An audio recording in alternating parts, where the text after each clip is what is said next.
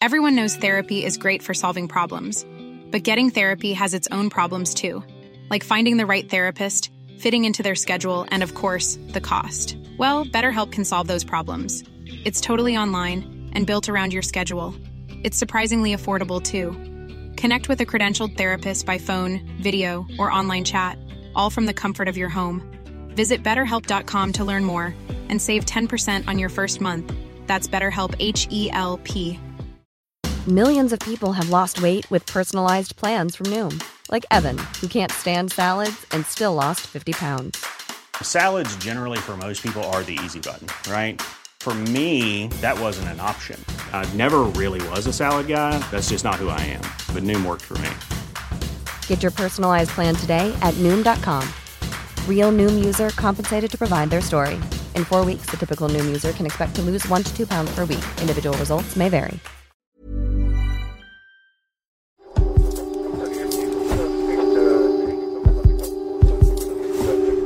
ولا عندي أي إثبات لإله. بس هو صح أنا ابني وفي حشاي شلته. كيف أثبت بأنه هاي سيف ابني؟ مثل كتير صحفيين عندي أسئلة ما بتخلص. بأي وقت وبأي مكان عندي سؤال. ومع إنه أسئلتي متشعبة كتير في محور واحد بيجمع معظمها. مفهوم الهوية. شو يعني إني أكون عربية؟ هل منختار هويتنا ولا هي منزلة علينا؟ طب لو منختارها شو أختار أكون؟ أجنبية، عربية، غنية، فقيرة؟ المهم من مخزون هالأسئلة انولد برنامجنا. برنامج خرائط اللامكان اللي بيبحث عن الهوية في عدمها في نقيضها يعني بدل ما نسأل عن الجنسية رح نسأل عن الفراغ الموجود بغيابها. وبدل ما نفهم جوازات السفر رح نحاول نفهم فقدانها. عشان هيك رح نسمع لأصوات فاقدي الجنسية في الوطن العربي اللي على فكرة بيوصل عددهم حوالي نص مليون.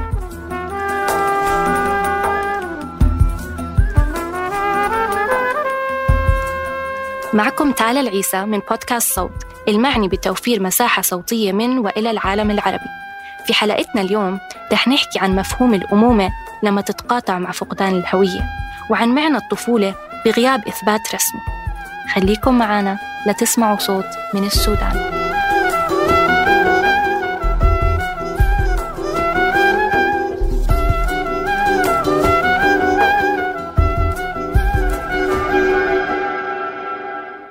مين أبوه؟ انسألت مريم في دائرة الأحوال المدنية لما راحت تسجل ابنها سيف بعد ما ولدته بالمفرق شمال الأردن. أنا قلت له الأب متوفي. إيش بدي أعمل في الحالة دي؟ انطلب من مريم إنها تقدم شهادة وفاة وعقد زواج مصدق بس ما كان معها غير بلاغ من المشفى وين عقد الزواج؟ وين شهادة الوفاة؟ أسئلة مهمة ولكن السؤال الأهم كيف ممكن تصادق على زواج ما حصل أو تثبت وفاة رجل مجهول حاولت مريم إنها تخفي الحقيقة لتتجنب مجتمع ظالم وتحمي حالها من الترحيل لأنه الزنا بالسودان يعتبر جريمة ممكن تؤدي لاعتقال المرأة سيف أنا حاملاه وطول الفترة أنا وهو بنتنقل ونمشي ونجي هنا. ما عنده أي إثبات وما عندي ولا إشي أنا. ولا إشي. ما عندي. صف إيش؟ لمين أنسب؟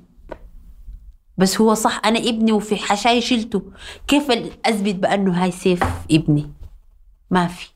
وهيك من دون أي إثبات للنسب ضل سيف من دون تسجيل ومن دون جنسية. وحتى لو قدرت مريم تصدر شهادة ميلاد لابنها ما كان رح يقدر يتجنس لأنه القانون السوداني بيمنع الأم من توريث جنسيتها لأبنائها إلا في حال تم تقديم طلب بموافقة الأب. صف إيش سيف شهادة ميلاد؟ أنا ما طلعتها له وعشان أضيفه بالباسبور عندي لازم يكون عنده شهادة ميلاد وعنده ورق من أبوه. كان ممكن إنه يتسجل الطفل على اسم أبو مريم بس ما حدا من العيلة كان عارف بالقصة. وما كان سهل على مريم إنها تواجه أبوها. إذا الأب مو متوفي. وفي رحلة بحث عنه رجعنا لدارفور وين ما كانت مريم وزوجها وبنتها عايشين وما كان سيف خاطر على البال. خريف 2007 دارفور. إلى السودان حيث أدت الموجة الأخيرة من العنف في منطقة دارفور غرب السودان إلى نزوح كانت مريم قاعدة ببيتها لما سمعت صوت انفجار. إحنا مناطقنا هناك اتحرقت نهائي دمرت. أنا جوزي اتحرق بالسيارة. آه؟ جوزي اتحرق بالسيارة. في منطقة اسمها شوبة بكبكابية. طالع معه أصحابه بالسيارة ومعهم حرس. والشوفير سايق ومعه اتنين من أصحابه. كلهم حرقوا في نفس الوقت. قمت طلعت مشيت أخدت أغراضي مشيت لإله مشيت بس وشه. جسمه كله يتأكل بس وشه. شفته عرفته هو. بهذا الوقت كان مارق أربع سنين على بداية الحرب في دارفور بين فصائل معارضة وقوات حكومية. ولحتى يومنا هذا أدت الحرب لتهجير حوالي 3 ملايين مواطن وقتل مئات الآلاف. ما بتعرف مريم إذا القذيفة اللي قتلت زوجها تابعة للمعارضة أو القوات الحكومية. الإشي الوحيد اللي بتعرفه هو إنها أصبحت مستهدفة من الحكومة بعد الحادثة. بلش الاستجواب في بيتها. من جوزي. وين مرت؟ وين أولاد؟ وين؟ فلان الفلاني. قاموا هنا قال لي جوزك معارض. قلت لهم أنا ما بعرف المعارضة ولا بعرف. هنا. أنتوا لما قتلتوا بتعرفوا معارض ولا لا؟ أنا ما عندي دخل. إلا توريني أنت مين أصحاب لجوزك. مين أصحاب جوزك؟ قلت لهم ما بعرف. أنا حدا له عرفتي؟ هاي هو. من الوقت ده كل يومنا هذا هاي الحياة مدهورة. كان النفي سبب كافي للمستجوبين إنه يعتقلوا مريم في سجن بمنطقة اسمها الفاشر.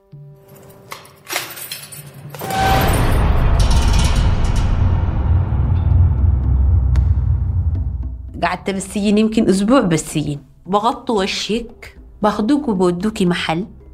محل بس غرفة واحدة بتكون المنفس هيك صغير. زي شباك. مربع كتير صغير. بقوموا انت بتكوني قاعدة هناك. ولا حدا بكون معك. يعني لو ما حدا قوي ما بقدر بقعد. لحالك بتكوني قاعدة. بعد ذاك شوية ضرب ينادوك يضربوك ده يجي يضربك ده يجي يضربك ده يجي يضربك ده يتسوى. يلطشوكي ملطشة هيك. لإلهم عرفتي؟ هاي الفترة هاي أنا اللي حملت فيها بسيف. آه. عرفتي؟ كتير معاناة بس الحمد لله. من من ضابطات هو؟ لا من العساكر من وين؟ ما بعرف. أي واحد بيجي. بالهنا عرفتي؟ بده يريح دماغه. من وقتها قررت مريم إنها تترك السودان وتعيش ببلد أأمن. فأصدرت جواز سفر جديد وفيزا علاجية للأردن وهناك عاشت مع أصدقاء إلها في المفرق واشتغلت بمجال التجميل. في بالأردن حوالي أربع ألاف لاجئ سوداني مسجل في المفوضية. تم ترحيل 700 شخص منهم السنة الماضية. بعد ذاك أنا حسيت بأنه بداية حمل عندي. آه بقيت هيك. لعيان وهيك. والدورة ما إجتني فكرت بأنه خلص هاي من الضغط النفسي. مين أبوه؟ إذن والد سيف عسكري مجهول بعد ولادة سيف رحلت مريم لعمان واشتغلت في صالون تجميل بالرغم من إنها كانت محظورة من العمل بصفتها لاجئة. بس كيف نعيش؟ لازم نشتغل. يعني تشحد الناس تعمل إيش؟ ما بتقدر. لازم أنت تشتغل ما دام الواحد عنده قوة وبقدر بيشتغل لازم يشتغل. عدم وجود شهادة ميلاد أو جواز سفر لسيف شكل لمريم مشاكل كتيرة. فمثلا كان من شبه المستحيل إدخال سيف للمستشفى سواء كان حكومي أو خاص من دون أوراق ثبوتية. لما في يوم من الأيام انقطع إصبع سيف أخذته مريم على أقرب مستشفى خاص. الدكتور بحكي لي وين الباسبور وين اللي هناك؟ قلت له والله أنا بس خطفته هيك وجيت. ما بصير قال لي أعالجه. آه. لازم يكون عنده أوراق ثبوتية تثبت بأنه هو. كيف تنحل هاي؟ قلت له هاي الولد بنزف دمه بدفك أنا أتركه هيك كيف الإنسانية؟ لازم يكون أنت عندك إنسانية. أنت أعمل اللي عليك وأنا بروح بمشي بجيب لك. هاي الولد أصلا ما عنده أي إشي بيثبت بأنه هو. إحنا. قال لي قلت لي اعتبر بأنه الولد هاي أنا لقيته في الشارع حملته جبته أسعفه. بتركه هيك؟ لولا تعاطف طبيب تاني ومدير المستشفى كان ما قدرت مريم تطلع من الورطة. أما مرض سيف بالتوحد تم علاجه في عيادات ومراكز خاصة ما بتشترط وجود هوية. وفي 2009 لما صار سيف عمره سنة تلقت مريم توطين على أمريكا عن طريق المفوضية. عملوا لي توطين لأمريكا. سيف ما عنده ورق معي ولا بقدر باخده ولا من البلد ما بقدر بطلعه. عشان هيك أنا اتخلفت من السفر بسببه. يعني وقت ده كان أنا بأمريكا زمان. مم. برضو نصيب. مشاكل العلاج والتوطين بالنسبة لمريم كانت بسيطة كتير أمام احتمالية فراقها عن سيف اللي كانت على وشك إنها تتحقق لما انضرب سيف بسيارة في شارع من شوارع عمان وتم استدعاء الشرطة. طلع الطفل سليم. بس المشكلة إنه الشرطي قرر يتحقق من هوية المتضررين. وين أوراقه للولد؟ هاي قلت له ما عنده. ليش انت ماخذة ولد بدون أوراق؟ قلت له هاي ابني. لسه ما طلعت له أوراقه بس هاي ابني. هاي يوم كثير برضو كان صعب. يعني كان لازم ياخدوه يودوه مركز الحسين ولازم هنا يمشي يعملوا فحيص قلت له هاي سوداني وشكله شوفه سوداني وشوف الولد بيشبهني. هاي ابني أنا أشيل أولاد الناس. أمر الشرطي مريم إنه تفتح بلاغ في المخفر وهناك ترقف الضابط بحالتها وسمح لها تطلع. هاد هو حال مريم. في كل مرة بتتعرض لمشكلة بتتمنى إنه تصادف شخص يترحم عليها أو إنه يحالفها الحظ لتقدر توفر لابنها حقوقه البسيطة. لكنها ملت من الاعتماد على الصدف خصوصا إنه الحظ ممكن يخذلها في أي لحظة. وعشان هيك قررت تستوعب القانون بدل ما تواجهه. إذا كان الزواج هو الشرط لخروج ابنها من عالم الأشباح فليكن.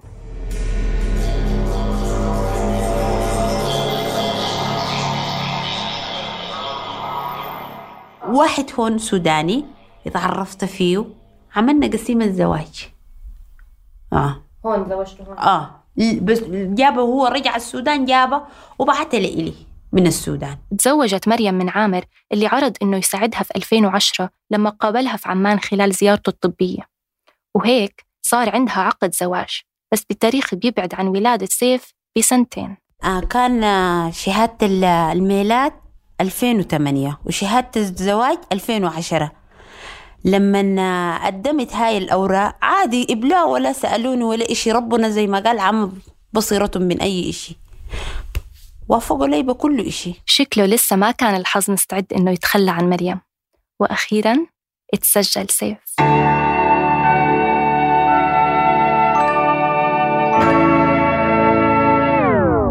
بس قصتنا ما بتخلص هون. إنه يكون الطفل مسجل ما بيعني إنه هو مواطن. شهادة الميلاد هي فقط إثبات لمكان الولادة والعمر وهوية الوالدين. ضل على مريم إنها تروح على السفارة السودانية لإصدار الجنسية لسيف وإضافته على جواز سفرها. مين أبوه؟ وين عامر؟ سألها الموظف. أنا قلت له الأب متوفي. إيش بدي أعمل في الحالة دي؟ للمرة الثانية بتقول مريم إنه الأب متوفي. بس هاي المرة ما كانت عم بتقول إلا الحقيقة.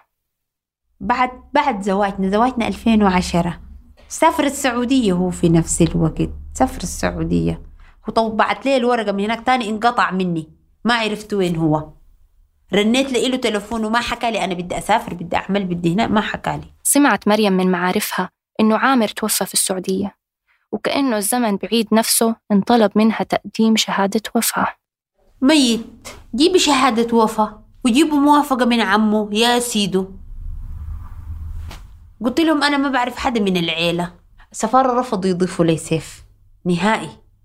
إلا تجيبوا موافقة من ولي أمره قلت لهم عندي قسيم الزواج. عندي باسبور لإله. لازم هو يوافق بأنه أنا المرة دي تضيف ابني. ما ضاف القرار إلا قهر وحزن أكتر على حياة مريم اللي كانت عم تبحث باستمرار عن مفهوم للأمومة في مجتمع ذكوري بيخلي فيه المغتصب نفسه من أي مسؤولية بينما بيستخدم القانون لجلد الضحية. يعني أنا هاي دوري إيش؟ بس دوري أنا أولد. أحمل وأولد وأرضع وأربي وأقوم بالطفل. ما عندي دور تاني في المجتمع. ما بتسعدي بإشي أنت. اللهم بس أم إيش الأمومة بس؟ خلاص بالبيت احتياجاتك انتهت على هيك المرأة مظلومة كتير. عن جد. كتير المرأة مظلومة. ما كانت مريم تعرف أي حدا من عائلة عامر. بس بعد بحث طويل قدرت توصل لعمه عن طريق الفيسبوك. طلب العم 100 دولار مقابل إرسال الموافقة وشهادة الوفاة. بعت لي. أخذت الموجب هاي شهادة الوفاة.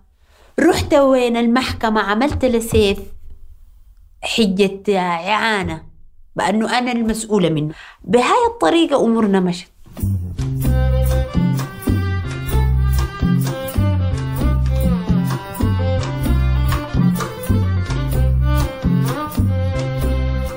بعد مشوار طويل اتجنى السيف لما صار عمره أربعة. وهو هلأ عايش كلاجئ سوداني في الأردن وعم يستنى مع أمه رد التوطين من كندا.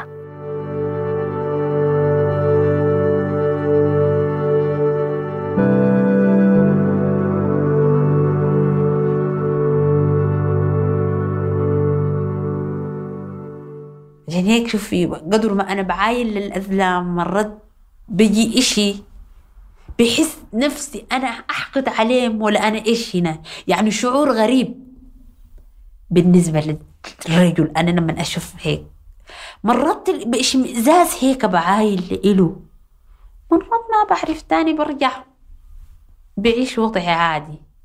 عرفتي؟ تزوجت مريم مرة ثالثة لأنها شعرت بأهمية وجود رجل جنبها يحميها من باقي الرجال. أنا كمان فكرت فيها قلت أنا كمان ابني ذاته بده أب بالنسبة لإله يوقف معاه يكون معاه وأنا بدي زلمة يحميني. يعني أحس بأنه أنا في زلمة عندي. يعني كان صارت معي شغلات كتير أنا. حبيت يكون في في البيت يكون في زلمة. وافقت بهاي الإشي اتجوزته. الحمد لله. عايشين.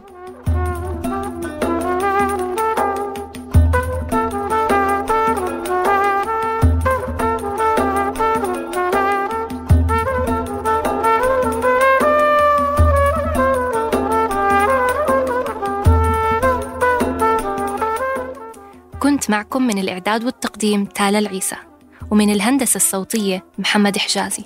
الموسيقى الافتتاحية لإبراهيم معلوف. تابعونا بالحلقة الجاي لتسمعوا صوت من كردستان سوريا.